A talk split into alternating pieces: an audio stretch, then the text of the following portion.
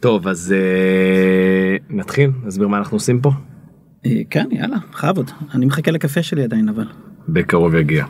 אז אה, אתם מאזינים לעוד פודקאסט למכירות, סדרה מקצועית של עוד פודקאסט לסטארט-אפים, שמפגישה אתכם בצורה בלתי אמצעית עם מנהלי המכירות המובילים בישראל, אותם rainmakers מאחורי סיפורי הצלחה הגדולים. בכל פרק אנחנו אה, נביא את הסיפור האישי של כל אחד מהם, סיפורי הקרבות מאחורי המספרים הגדולים של החברות המובילות בישראל. כמו כן, בכל תוכנית אנחנו נבחר נושא אחד וניתן אה, כלים וטיפים שתוכלו לממש מחר בבוקר. אז אני אדיר צימרמן ואיתי נמצא אריאל פינקלשטיין, מייסד אה, חברת Kampyle שנמכרה ל Medallia, מנטור ותיק ומוכר בקהילת הסטארט-אפים וכיום משקיע אופרטיבי בחברות מהמובילות בישראל. מה שאריאל יעשה פה הוא ישתף אותנו בסיפורים אה, מדרכו המעניינת, ידבר איתנו על ה-Sales Learning Curve ועוד אה, דבר אחרון רק אה, לפני שנתחיל, אז תודה רבה לרייז על האירוח, לגלובס על הכותרת ולגיא וטומי על הדבש וגם על העוקץ. אז פתיח ומתחילים. עוד פודקאסט? עוד פודקאסט. עוד פודקאסט לסטארט-אפים.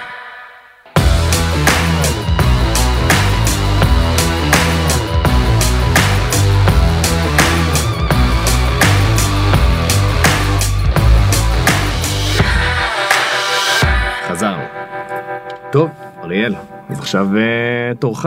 בוא תספר למאזינים על עצמך, קצת ככה פן אישי לפני שנצלול לדברים המקצועיים. נהדר, אה, אני אבא לארבעה ילדים, אנחנו גרים בזיכרון יעקב. אה, אני התחלתי את דרכי דווקא בעולמות המשפטיים.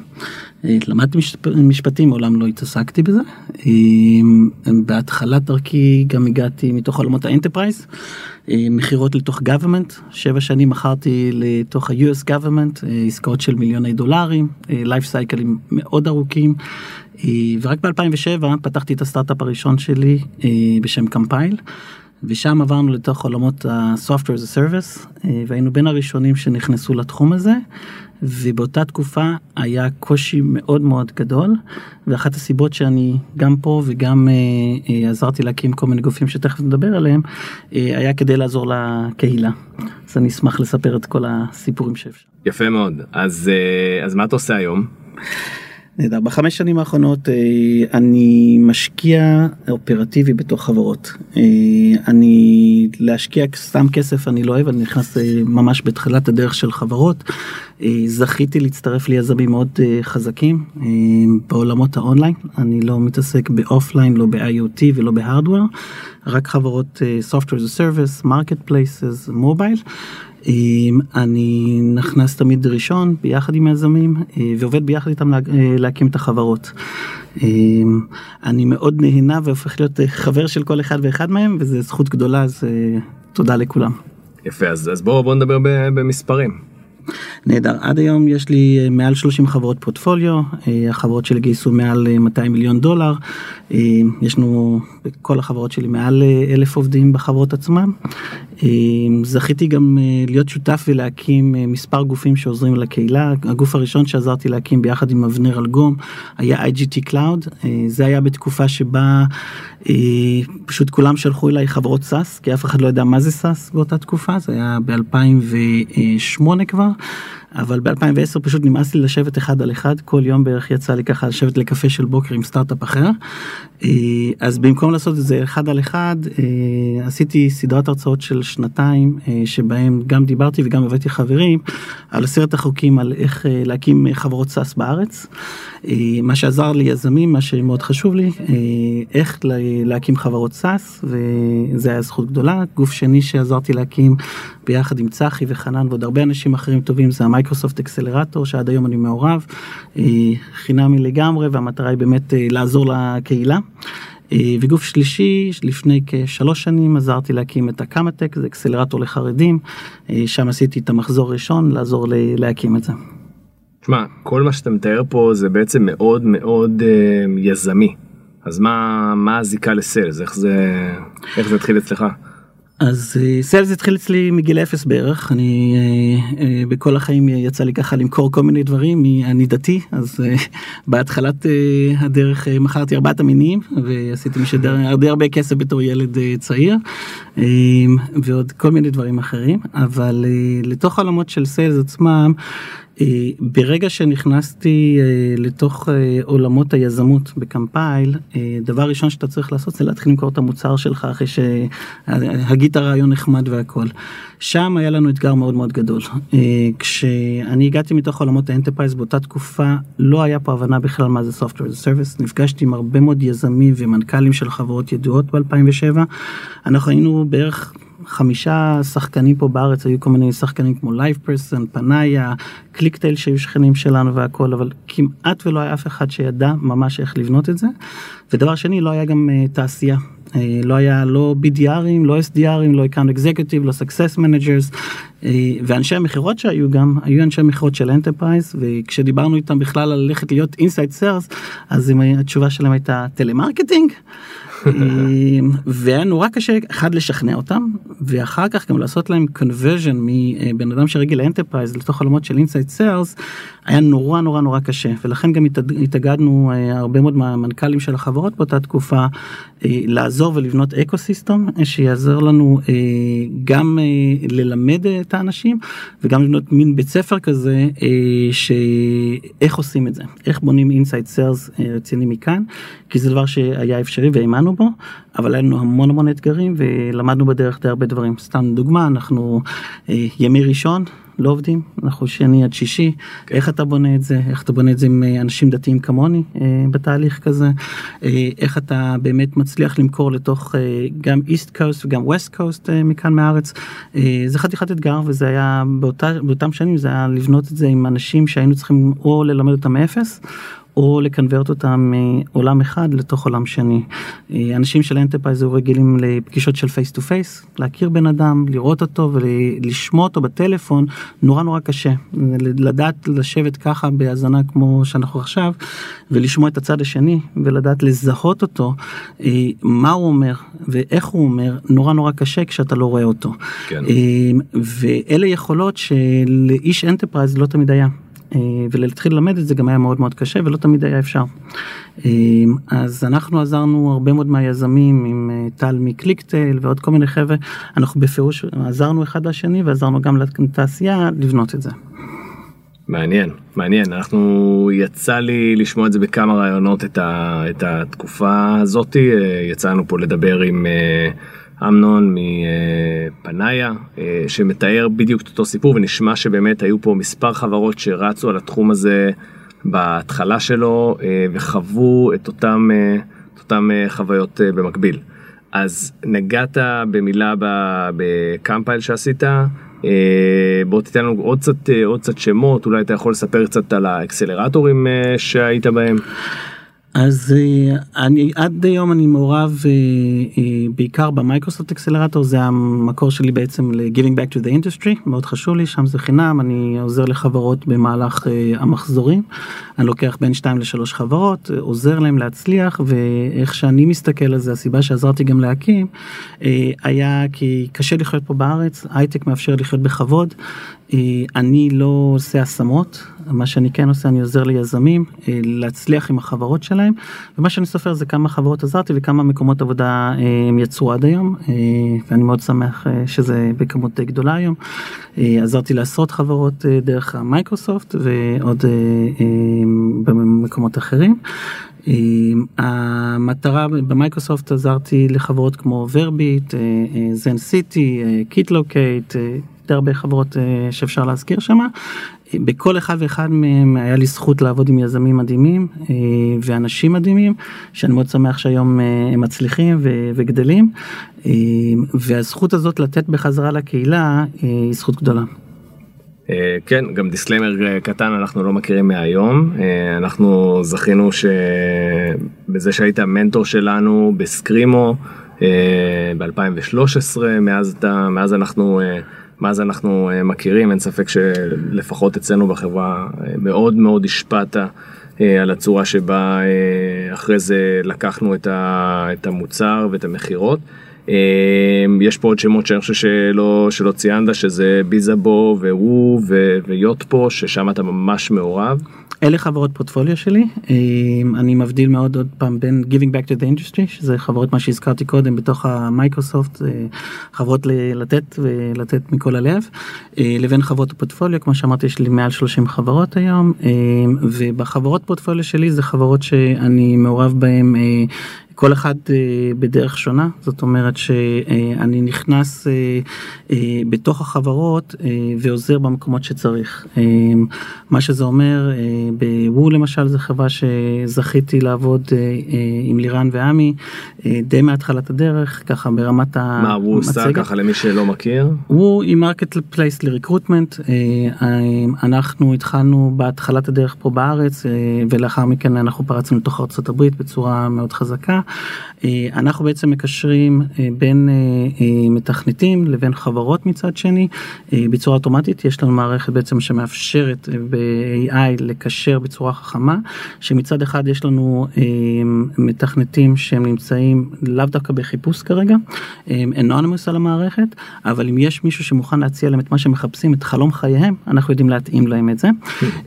ככה שהרבה מאוד מהאנשים שלא נמצאים היום בשוק בעצם חשופים דרכנו לחברות שלא יכולות להגיע אליהם אחרת בלינקדאין אתה יכול ככה לחפש וזה ואתה לעולם לא תדע האם הבן אדם הזה באמת גם מתאים לי וגם מוכן לעבור ומה התנאים ופה אנחנו ממש מקשרים אחוזי הצלחה שלנו הם מאוד מאוד גבוהים בהתאמות. זה דוגמה לחברה שאנחנו הקמנו די מההתחלה מרמת המצגת והיום היא רצה מאוד מאוד יפה. יפה עוד איזה חברה כך שאתה רוצה לצלול אליה.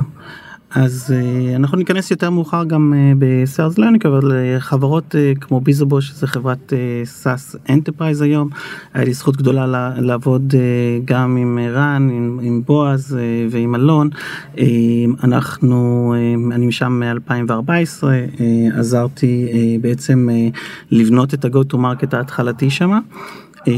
היה לנו שם אתגר מאוד מאוד גדול לקחת וזה דווקא דוגמה טובה לקחת אנשי מכירות שהיו רגילים למכור עסקאות מאוד מאוד קטנות.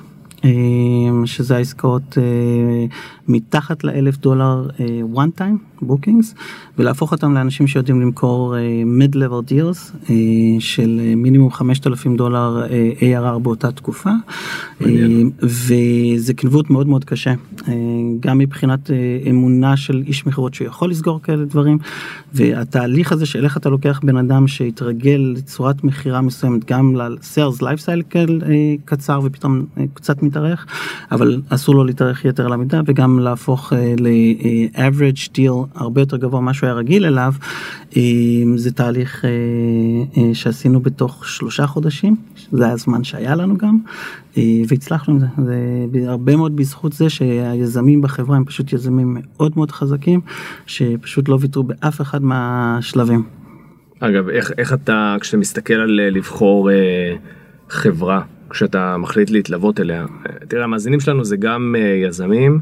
אבל גם גם אנשי מכירות אני חושב שבשני המקרים אה, בצד של המשקיעים ואנשי המכירות אתה מסתכל על חברה ואתה צריך לבחור חברה טובה שאתה יודע שאתה ש, שהיא עפה קדימה בכל מקרה ואתה עכשיו מצטרף ומעיף אותה עוד יותר חזק קדימה.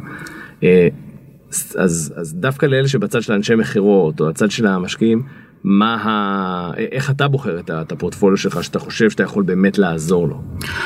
המודל שלי עובד בצורה מאוד מאוד שונה ממודל השקעה רגיל. הנקודות שאני מחפש מכיוון שאני עובד מאוד קרוב עם היזמים קודם כל אני מחפש אנשים טובים מענץ' אם הם לא כאלה וזה לא אנשים שלי יהיה כיף אלא אם יהיה כיף לעבוד ביחד אני פשוט לא נכנס. דבר שני זה אנשים שיודעים לבצע רוב היזמים מאוד מאוד קשה להם לעשות execution חזק הם לא יודעים הם שומעים המון המון דעות הם לא יודעים לבחור את אותם דעות ומשנים את הדעות שלהם לכאן או לכאן שבוע אחד הם לכיוון אחד שבוע אחד לכיוון אחר ומאבדים את הפוקוס. הנקודות שאני מחפש בחברות אז קודם כל נכנס אך ורק בחברות שבהם אני יכול לעזור. אה, ולא רק יכול אלא גם שרוצים אה, לאו דווקא תמיד רוצים וזה בסדר גמור ובמקומות כן. שלא רוצים פשוט לא נכנס.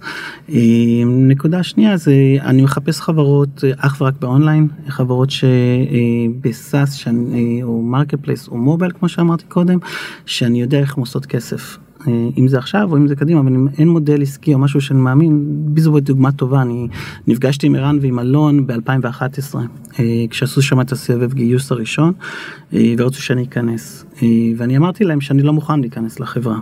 והסיבה היא שבאותה תקופה הם עשו מובייל אפ לאיבנטס. אם אתה ואני נפגשים באיבנט, אנחנו יכולים לקבוע דייט שם ולהיפגש ולעשות עסקים. אמרתי להם שזו מערכת נורא נורא יפה ואני רק לא יודע איך לעשות מזה כסף. ולכן לא נכנסתי. ב-2014 רן חזר אליי ואמר אוקיי צדקת זה באמת לא, לא הצלחנו לייצר מזה כסף אבל הנה יש לנו פה מוצר חדש שהוא עלה מתוך כל הדיבור של המון המון חברות היה לנו מאות חברות שכבר היו לקוחות של החברה ולמדנו מהם את הצורך. ואותו צורך היה בעצם לבנות מערכת uh, HubSpot for Event Organizers שזה מערכת uh, all in one ל-mid-level ו-enterprise uh, uh, accounts שמה שהם יכולים שם זה לנהל מה-CRM, email marketing, ticketing, web, הכל הכל במקום אחד. Uh, וזה אמרתי אוקיי. Okay, I know how to make money out of this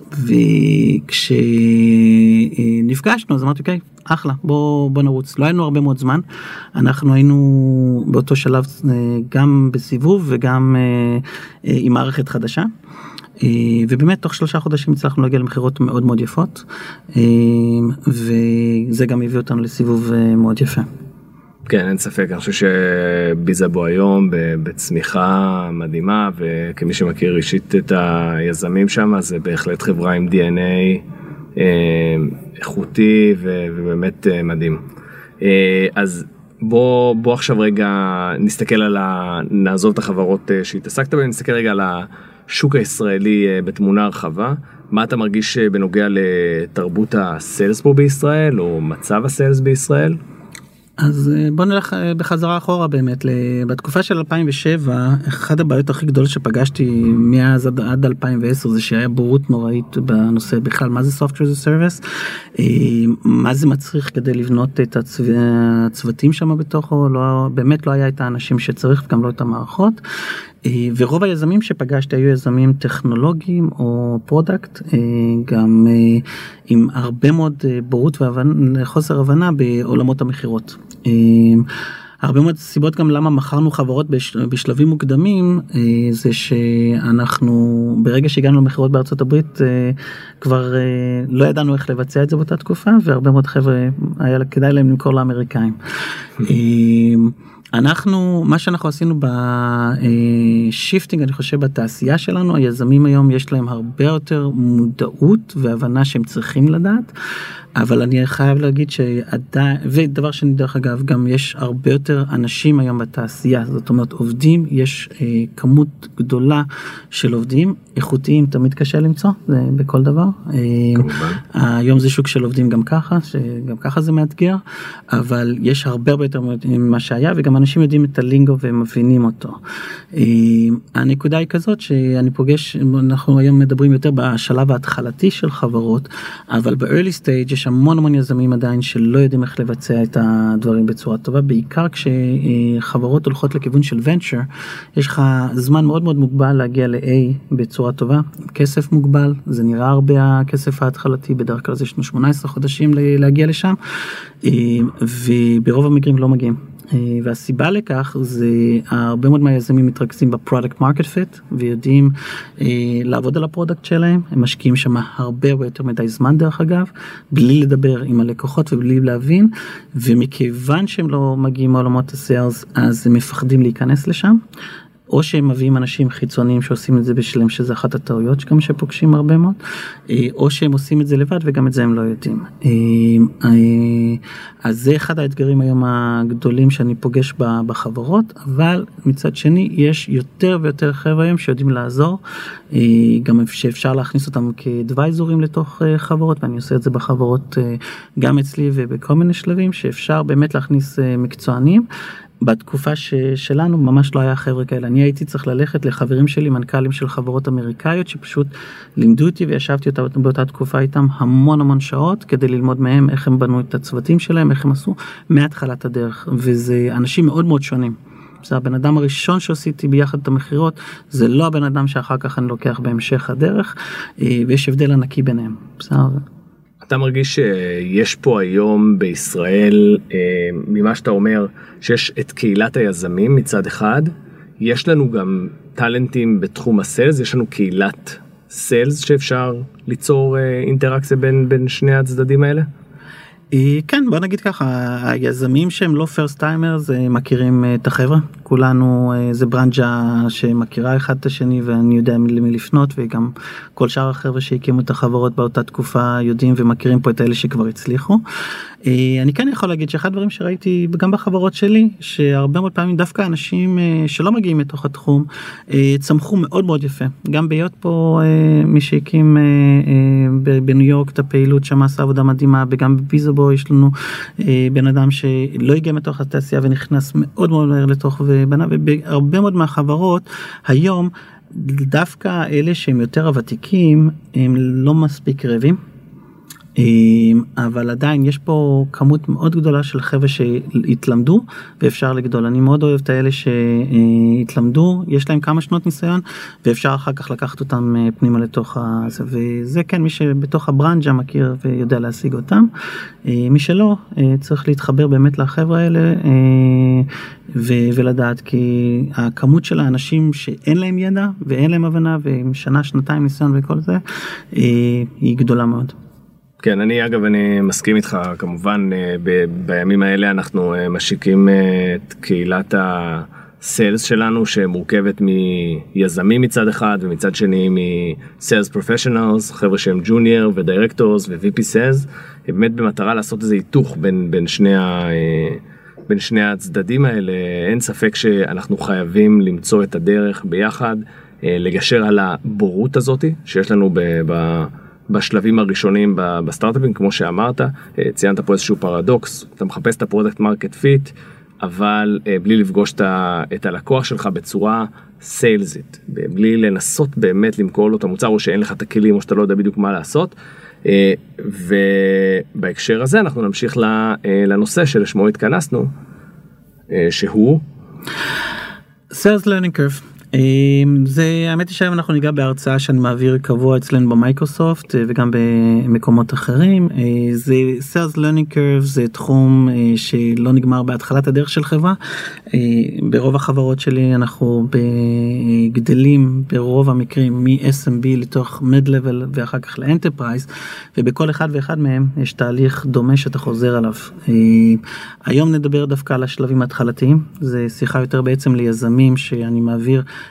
איך להכניס אבל מתוך ההבנה של מה שיזמים צריכים לעשות אני מניח שגם זה יעזור לאנשי מכירות. התחום עצמו הוא תחום שהרבה מאוד מהיזמים כמו שאמרתי קודם לא כל כך מכירים אותו ולא יודעים איך לעשות את התהליך הזה והסיבה שאני מעביר בעצם את ההרצאה הזאת אני קורא לזה sales learning curve uh, for early stage companies כשהמטרה היא ממש לפקס אותם ולהגיע למטרות אז בוא נדבר באמת על התחום. התחום עצמו רוב היזמים מתחילים מתוך רעיון. הרעיון הזה זה איזשהו רעיון שהם חושבים שהולכים לשנות את העולם איתו. מפתחים את המוצר בדרך כלל מפתחים כמו שאמרתי הרבה יותר מדי מעבר למה שצריך. אבל במקביל ל-product market fit תמיד מתחיל ה-sales learning curve בשלבים האלה. והנכון הוא להתחיל אותו כמה שיותר מוקדם ולצאת עם השוק כי אתה רוצה לדעת ולהבין את המוצר שלך ואת השוק שלך כמה שיותר מהר. אז לפני שניכנס לאיך עושים את זה והכל יותר חשוב להבין את המונח עצמו בסדר המילה הכי חשובה ב-sales learning curve זה ה-learning. הלמידה עצמה ורוב היזמים שוכחים את זה ולא לא מבינים את זה וכל המטרה של התהליך הזה זה ללמוד אנחנו עדיין לא רצים אנחנו עדיין לומדים והמספרים אחד הדברים שאני פוגש הרבה מאוד פעמים זה מה ה-KPI, מה אני צריך עכשיו אה, אה, לצפות להגיע. אה, זה לא מה אני מצפה להגיע, זה יותר חשוב להבין לא איזה מספר לצפות לקבל ב-KPI שאני עוקב, אלא לדעת על איזה KPI לעקוב, ומה עם אותם uh, KPI שחשובים לביזנס שלי, ונקודה מאוד חשובה היא, היום אנחנו מדברים כללי, אה, כל אחד מהיזמים שם בחוץ uh, צריך לחשוב ספציפית אליו, יותר לחשוב את צורת ההבנה, הגישה לדבר, ופחות ספציפית לחברה שלו, כי נורא קשה לגעת, חברות enterprise יש להם דרישות מסוימות, חברות SMB זה תהליך אחר לגמרי. אז בוא בוא ניגע באיך עושים את זה קודם כל. בוא בוא, בוא רק תגיד לי איפה זה איפה זה מתחיל קודם כל. תן לי איזה אוריינטציה כללית על, על איזה סוגי חברות אנחנו מדברים באיזה שלב uh, היזם בעצם צריך להתחיל לחשוב על, ה, על הדבר הזה. אה, אני תמיד חושב שזה מהתחלת הדרך דרך אגב אה, של כל מיזם אבל ברגע שאני עם מוצר התחלתי שאפשר כבר להתחיל להנגיש אותו לשוק, אה, אני חייב להתחיל לצאת איתו לשוק ולהתחיל אה, להבין. אתן לך דוגמה בקמפייל, עוד לפני שבכלל היה לנו מוצר אה, מוכן לגמרי, אני הלכתי לאיזשהו איבנט והתחלתי להראות מסכים בעצם של המוצר ללקוחות וסגרתי 50 לקוחות ראשונים במקום, זה לא היה בתשלום באותה תקופה, בכוונה רציתי ככה לקוחות שיבואו וישתמשו ורק כשיצאנו זה היה מספר שבועות לאחר מכן. את כולם אה, הזמנתי, מתוכם התקנברטו לי בסביבות 20, אה, 20 ומשהו, אה, וזה מאוד מאוד עזר לנו להתחיל ללמוד איתם, אבל היה לי קשר אישי איתם כבר מתוך השיחות. הנקודה הזאת של להכין את עצמך לדברים האלה, זה ברגע שיש לך כבר משהו התחלתי שאפשר להתחיל לדבר עליו, לאו דווקא שיש לי מוצר ממש ממש עובד, אבל שהוא לא רחוק משם, זה עד שלושה חודשים שזה צריך לצאת. זה זה משהו שאנחנו יכולים להגיד איפה זה יושב ביחס ל-product market fit בעצם התהליך הזה. הוא במקביל כי ה-market fit של product הוא לא משהו שנגמר לפני. זה תמיד מקביל לכך והחשיבות היא להבין את הלקוח שלי. אני אוהב לראות את השקל הראשון שהלקוח מוכן להוציא. אני לא אוהב מוצרים שאני לא יודע לעשות מהם כסף. אם אתה לא מוכן לשלם לי על מוצר אז כנראה משהו פה לא טוב בסדר? כן. עכשיו זה לא שבהתחלת הדרך אנחנו אין לנו את האתגרים. האתגר הראשון של יזם תמיד בהתחלת הדרך זה איך אני עכשיו לוקח לקוח שאומר אוקיי אתה סטארט-אפ התחלתי אין לך בכלל לקוחות תגיד תביא לי שמות ולמה לא להשתמש. בוא נדבר עוד פעם זה חברות uh, SMB ומעלה. ב-no touch sales אין את השאלות האלה. ב-no touch sales uh, זה אני מעלה משהו לאינטרנט ומתחיל להזרים traffic ורואה את ה-conversion ים שם זה לקוח בא נכנס כמו survey monkey בהתחלת הדרך כדוגמה. uh, אני מזרים traffic ואנשים או קונים או לא קונים ואני מתחיל ללמוד שם את, ה, את ה-funnel ים. ברוב המקרים עוד פעם שאנחנו מדברים עכשיו על אנשי מכירות בעולמות האלה uh, אתה חייב אה, להתחיל לדבר עם הלקוח וגם אפילו אם אני מוכר דרך אגב גם ב-no touch sales אני תמיד מדבר עם לקוחות ואני מאמין מאוד בזה שאתה לוקח את ה-offline ומכניס אותו לתוך ה-online גם ב-funnel ים שלך. בוא, בוא נחדד רגע למאזינים שלא מכירים את כל המונחים no touch sales זה. Not sales זה, אה, זה מוצרים שבהם אני מוכר את המוצר בלי בעצם לדבר עם הלקוח אין לי inside sales team שעכשיו מדבר אה, ומסביר ללקוח למה כדאי לו לקנות והכל הוא עושה את ההחלטה לבד. אה, אתה נכנס פנימה יש לך חבילות מסוימות אתה בוחר איזה חבילה אתה יודע מה אתה רוצה ומתחיל לשלם ולהשתמש במוצר.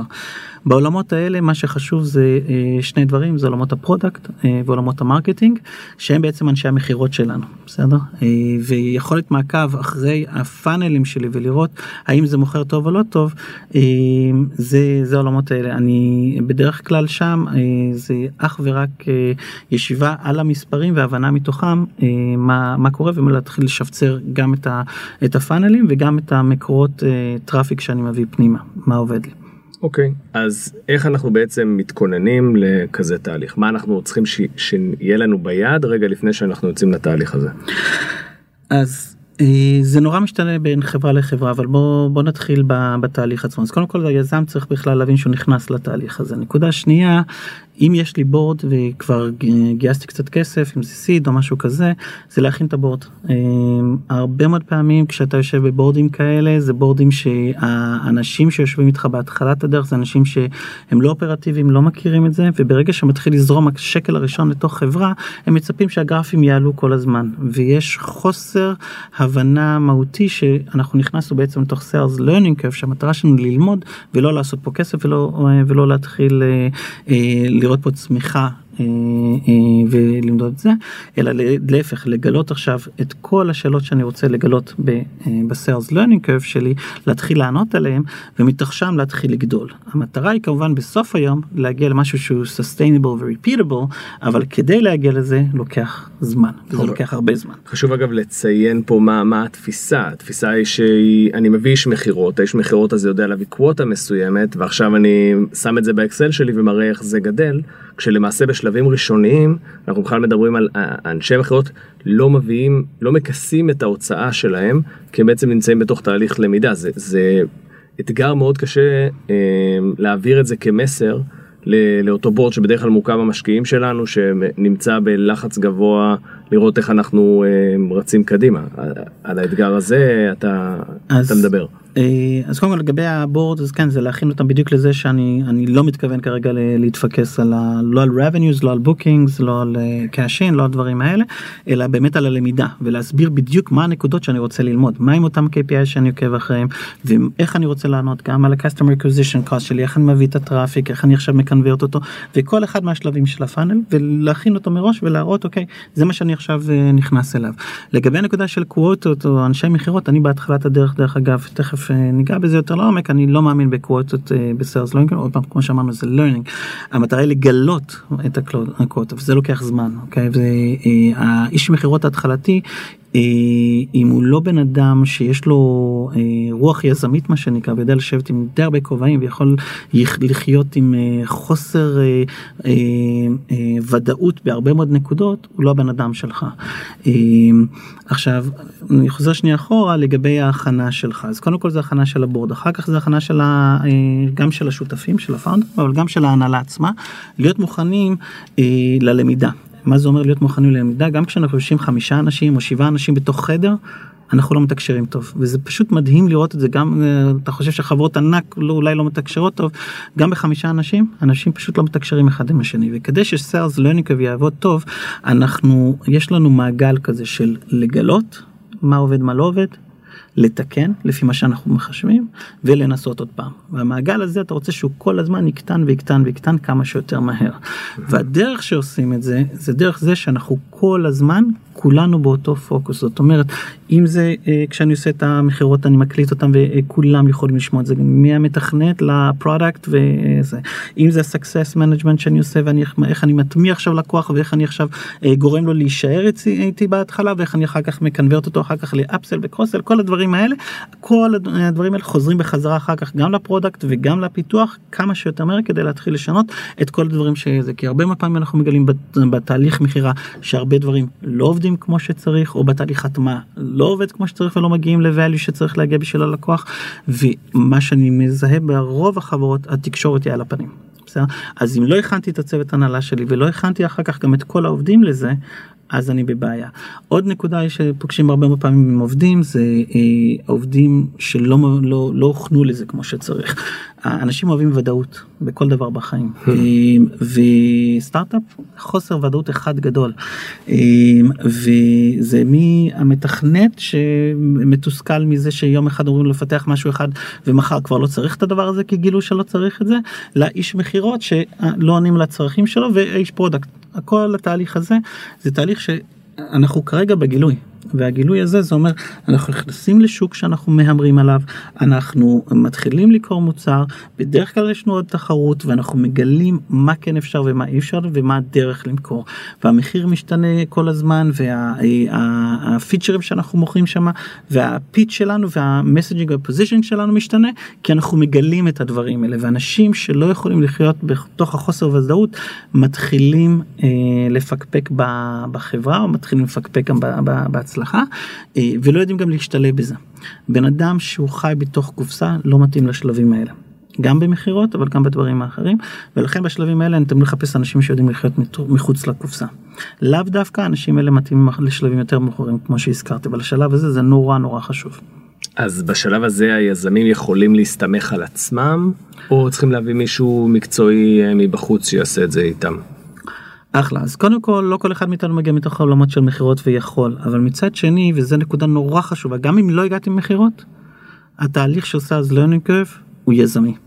זה כמו שאנשים חושבים שאנחנו עושים יזמות וממציאים דברים בתוך עולמות ה-product, הם חייבים להבין שגם ב-sales learning curve זה יזמות ואנחנו ממציאים את התהליך שזה אה, שעובד לנו. ויכולת לגלות את הדבר הזה מה עובד לי ומה לא עובד לי זה נקודה יזמית ואם היזם לא בתוכו החברה לא תצליח זה לא עובד בסדר? גם אם נביא את האיש מכירות הכי תותח שאפשר, בסדר? בסוף היום כשאני עושה sales learning curve, אני תמיד אומר ליזם, אנחנו עכשיו נכנסים לתהליך של לפחות חצי שנה אתה בתוך הסיפור הזה. אז לפעמים גם הוא מלווה אותו עם איש מכירות, לפעמים זה יזם שיודע גם לעשות את זה, עושה את זה לבד ואחר כך מכניס את האנשים. אני אישית מאוד אוהב לפתוח את זה לבד בהתחלה, לגלות מה עובד מה לא עובד ואז להכניס אנשים אה, פנימה, אה, לדבר עם לקוחות כמה שיותר ולהיות נורא נורא מעורב. אחד הדברים שגם אה, רואים, ועוד פעם, אני אתן לך דווקא דוגמה בשלבים יותר מאוחרים. דברים. אה, כשאתה פותח enterprise אז בשלבים האלה בדרך כלל אה, יש לך איזה VC אמריקאי ואז הוא תוקע לך איזה איש אה, מכירות אמריקאי תותח זה ה-VP זה שהישראלי בדרך כלל לא יודע כי האמריקאים נראים הרבה יותר יפים מאיתנו מדברים הרבה יותר יפה. ומה זה משכנעים? וה-VC אמר לך שהוא תותח. נהדר אז לקחת אותו. ואתה לא יודע כמה חברות ראיתי בשנים האחרונות שלקחו אנשים כאלה והסתמכו ואמרו אוקיי אנחנו הולכים צעד אחורה. כי האיש מכירות אמר להם I know best, תשתוק וזהו. ומה שקרה שבאנטרפרייז אתה מגלה אחרי חצי שנה שהבן אדם לא עשה שום דבר. ואז אתה נתקע. וזה הפסד הרבה יותר גדול מכל דבר אחר מבחינה גם כספית אבל גם של החברה. כן. יזם שלא מעורב ב-sales learning curve בכל אחד מהשלבים של החברה יורה לעצמו ברגל וזה אסור לעשות את זה אז חייבים להיכנס לתהליך הזה. בהתחלת הדרך זה מאתגר.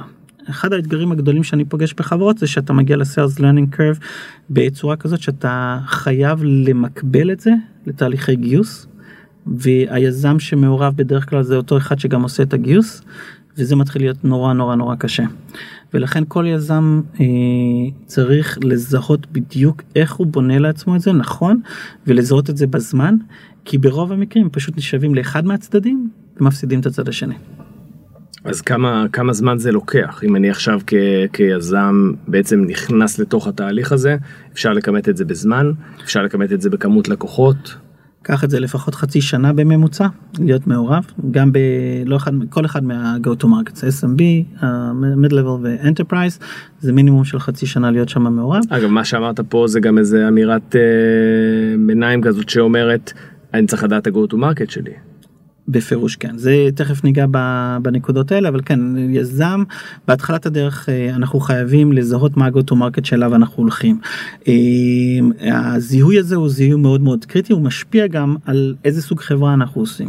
אה, אם אני למשל חוקר את התחום שלי יש חברה ישראלית למשל שהסתכלה על כל התחרות שלה הם כולם היו ב-SMB ולא כל כך הצליחו לגדול והם אמרו אנחנו מהמרים עכשיו על ה-enterprise נהדר אז אם אתה מהמר על ה-enterprise אתה יודע מראש אתה צריך עכשיו די הרבה כסף בתוך החברה אתה צריך לדעת להביא את האנשי enterprise האלה שעולים הרבה מאוד כסף אה, ואתה מתחיל להיכנס לתוך התחום הזה שזה sales life cycle ארוך. דרך אגב רק לנקודה אנקדוטה שם אה, אני מאוד אוהב אה, לזהות גם בשלבים האלה מהתחלת הדרך. אם הבן אדם מתאים או לא כי אתה יכול גם ב-enterprise לראות את ה-funnel של האיש מכירות שלך ולזהות מאוד מהר בתוך השלושה חודשים הראשונים אם אתה בכיוון הנכון או לא. ואחת הבעיות הכי גדולות דרך אגב של יזמים הישראלים עד היום זה, זה יכולת לפטר מהר. הם פשוט לא יודעים לזהות את זה וגם כשהם מזהים הם לא הולכים עם הקישקס שלהם. אחד ה... אני חושב שהדברים אה, הכי חשובים שאני למדתי זה כל פעם שיזם היה לו בקישקס שהוא ידע שהבן אדם הזה זה לא הבן אדם שלו.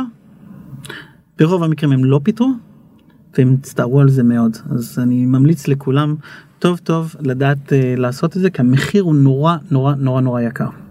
אז אז בוא ניקח את, ה, את הטיפ האחרון הזה שאמרת. Uh, אני רגע אחזור אחורה. אמרנו שאנחנו צריכים להיערך לתהליך כזה. uh, כשיש לנו ביד איזשהו guess work של ה-go to market של הפאנלס של הפרסונס שלנו. המוצר שלנו uh, מתחיל להתגבש ברמה מסוימת. אנחנו צריכים להיערך לחצי שנה פחות או יותר בתוך התהליך הזה. זה קורה כמעט במקביל ל-A-Round שלנו. חלק מזה ממש משיק לגמרי גם בזה אני צריך uh, uh, לקחת את זה בחשבון. אז ואז נתת פה איזשהו טיפ של אופים שלאו דווקא קשור ל-learning curve אבל אז מה ה-do's and don'ts בעצם מה כן לעשות מה לא לעשות שאנחנו נכנסים לביצוע טיפים של אלופים. נהדר. אז קודם כל דווקא ניגע בכל אחד מהשלבים האלה. צריך לעשות את השלבים האלה. אני צריך לחקור את התחום שלי להבין את התחרות להבין את ה-messaging ו-positioning שלי ואיפה אני נמצא בשוק. אה, יש שם את התהליך של מה pricing הנכון. תן דוגמה לגבי pricing בסדר? זאת אומרת אחד הדברים שאני עשיתי למשל בקמפייל בהתחלת הדרך במקום לצאת עם pricing אונליין אנחנו היינו ב-SMB באותה תקופה בהתחלת הדרך. אנחנו אה, אמרנו אוקיי נהדר אנחנו נתחיל ב-No touch sales נמכור בפחות מ-100 דולר MRR. אמ, ואמרנו כן נזרים traffic פנימה ונקנברט אנשים אבל כדי לעשות את זה פשוט עשיתי שלוש חבילות אה, שאני חשבתי שהן נכונות לפי הדברים שראיתי בה, אה, לפי התחרות אבל במקום לשים אותם אונליין פשוט התקשרתי אחד אחד ללקוחות שהכנסתי אותם בהתחלה בחינם והתחלתי להבין מה הפיצ'רים ועל איפה יושב הvalue איפה הם רואים את ה-ROI ומה הם מוכנים לשלם. ושאלתי אחד אחד והתחלתי למכור להם אחד אחד וראיתי מה ההתנגדויות מה עבד מה לא עבד ומה היו מוכנים לשלם עליו ולפי זה הלכתי ובניתי את הדברים. אמ, אז זה בעולמות של ה-pricing בעולמות של ה-go to market רוב החברות SaaS גדלות from bottom to top אה, מ-SMB ואחר כך מגיעות אה, זה. אה, גם כשאני הולך לתוך SMB זה להבין טוב מאוד מה התהליך שבו אני מוכר יש freemium יש free trial כל אחד עם זה שלו וצריך לדעת טוב מאוד מה עונה על הצרכים שלי אז דבר ראשון אני צריך להבין מי הפרסונה שלי אני מוכר. אה, זה אומר גם גיאוגרפיה, גם ורטיקלים של חברות, גם גודל חברה שאני רוצה למכור וגם הבן אדם שאני מהמר אה, שאני רוצה למכור לו. ולפי זה אני הולך ומביא עכשיו את ה-traffic אה, גם ב-SEM, גם ב-SEO, גם ב-email marketing, גם באיבנטים, כל אחד במוצר שלו ובשוק שלו צריך להתחיל. ובנקודה הזאת, הנקודה הכי חשובה היא לדעת מראש שיש לי פה רשימה של סט של שאלות. כל חברה יש לה שלושה דברים שהיא צריכה, צריכה להסתכל. customer acquisition cost מצד אחד, מהצד השני יש את ה-lifetime value של הלקוח ובאמצע יש לי את ה-go to market שלי, בסדר? ב-go to market יש לי מיליון ואחד שאלות שאני שואל ו-KPI שאני צריך אה, אה, אה, לענות עליהם. אם אני יודע להתרכז בזה, אני אוכל להתחיל לזה. ומה זה אומר עכשיו לענות? אני בדרך כלל אפילו לא אכפת לי מ-CRM בהתחלת הדרך ובדרך כלל אה, אפילו אני אעבוד באקסל זה בסדר גמור אין לי בעיה אבל מה שאני כן מסתכל זה על הפאנלים שלי. הימרתי כרגע על הפרסונה אז אני הולך ומביא אותה. אז כמו שהזכרתי קודם יש לי כל מיני traffic uh, sources שאני מביא מהם בסדר כל אחד ואחד מהם אני מסתכל גם בתוך SEM אני מסתכל מה הבאתי מלינקדאין ומה הבאתי מפייסבוק ומה הבאתי מגוגל בסדר uh, ואני רואה כל אחד ואחד בנפרד איך הוא מתקנברט לי למהלך כל הפאנל מהליד לתוך uh, uh, MQL, SQL, ה-sales call שלי לתוך proposal, closed one או closed lost ואחר כך implementation, אחר מכן uh, churn או upsell cross sell, כל הדברים האלה. כשאתה מסתכל על כל הפאנל הזה, אתה יכול להתחיל לראות מה עבד לך ומה לא, לא עבד לך. Uh, אתה צריך בפאנל עצמו, אתה צריך ליצור אותו מההתחלה. אתה צריך להסתכל עליו על שלושה דברים עיקריים. דבר ראשון, אתה צריך להסתכל על ה-conversion from step to step within the funnel. אתה חייב להסתכל דבר שני על ה-time, כמה זמן לוקח לי לעבור משלב לשלב, ואתה חייב להסתכל על הכסף, כמה עלה לי להביא ומה ה-AOV שלי, ACV, ARPU, לא משנה איך נקרא לזה, בסדר? כל אחד בתחום שלו. כן. אה, בנקודות האלה אם אני יודע להסתכל על הדבר הזה אני יודע לזהות מאוד מאוד מהר מה עובד לי ומה לא עובד לי. אז קודם כל בדרך כלל בהתחלה אנחנו מהמרים על הפרסונה לא נכונה ונורא קל לראות בהתחלה המעבר מתוך MQL ל-SQL ולתוך קורס מה, מה עובד ומה לא עובד. אה, למשל באחת החברות שלי אני לא אזכיר פה שמות עוד פעם אה, זה ככה אה, יותר ספציפי אבל אני אומר בגדול אנחנו זיהינו מאוד מהר שההימור שלנו על סוג הבן אדם היה לא נכון מה זה אומר אנחנו גם הגיאוגרפיה הייתה נכונה הוורטיקלים היו נכונים אבל הבן אדם שחשבנו הוא היה בן אדם הלא נכון. כן. אה, ומה שזיהינו למשל שסוג בן אדם אחר זאת אומרת אה, במקרה הזה שם זה הפאונדרים ו-CEOs ו-CTOs היו אנשים שדווקא נקלטו לנו הכי טוב באותה תקופה. ובהתחלת הדרך אתה רוצה להתחיל אה, בהתחלה מתוך ההצלחות ומשם באמת גדלנו והתחלנו להביא דווקא את הטראפיק הזה ופתאום זה התקלברט הרבה הרבה יותר טוב.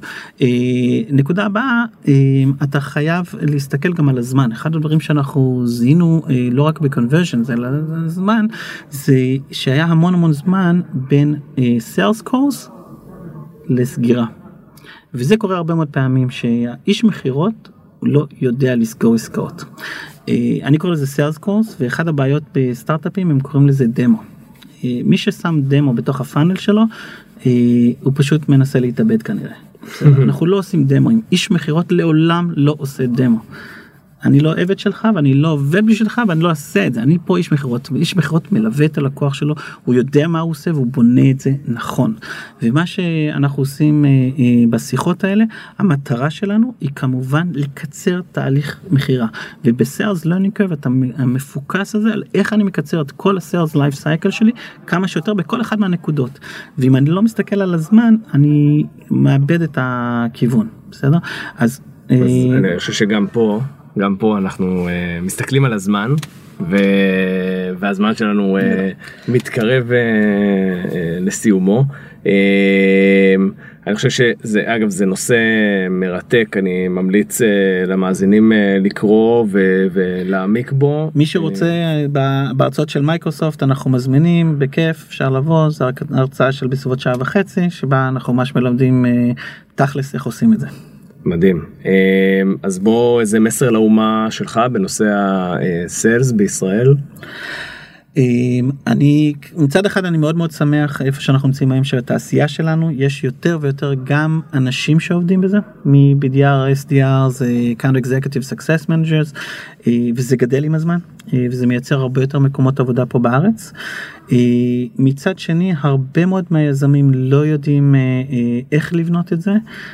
ואני אשמח עוד פעם גם גם בהרצאות של מה שאני העברתי וגם מה שהרבה מאוד חבר'ה אחרים זה פשוט תתחברו לאנשים שכן יודעים לעשות את זה כבר עשו את זה ותבנו כי זה גם ייצר לנו הרבה יותר מקומות פה בארץ מקומות עבודה.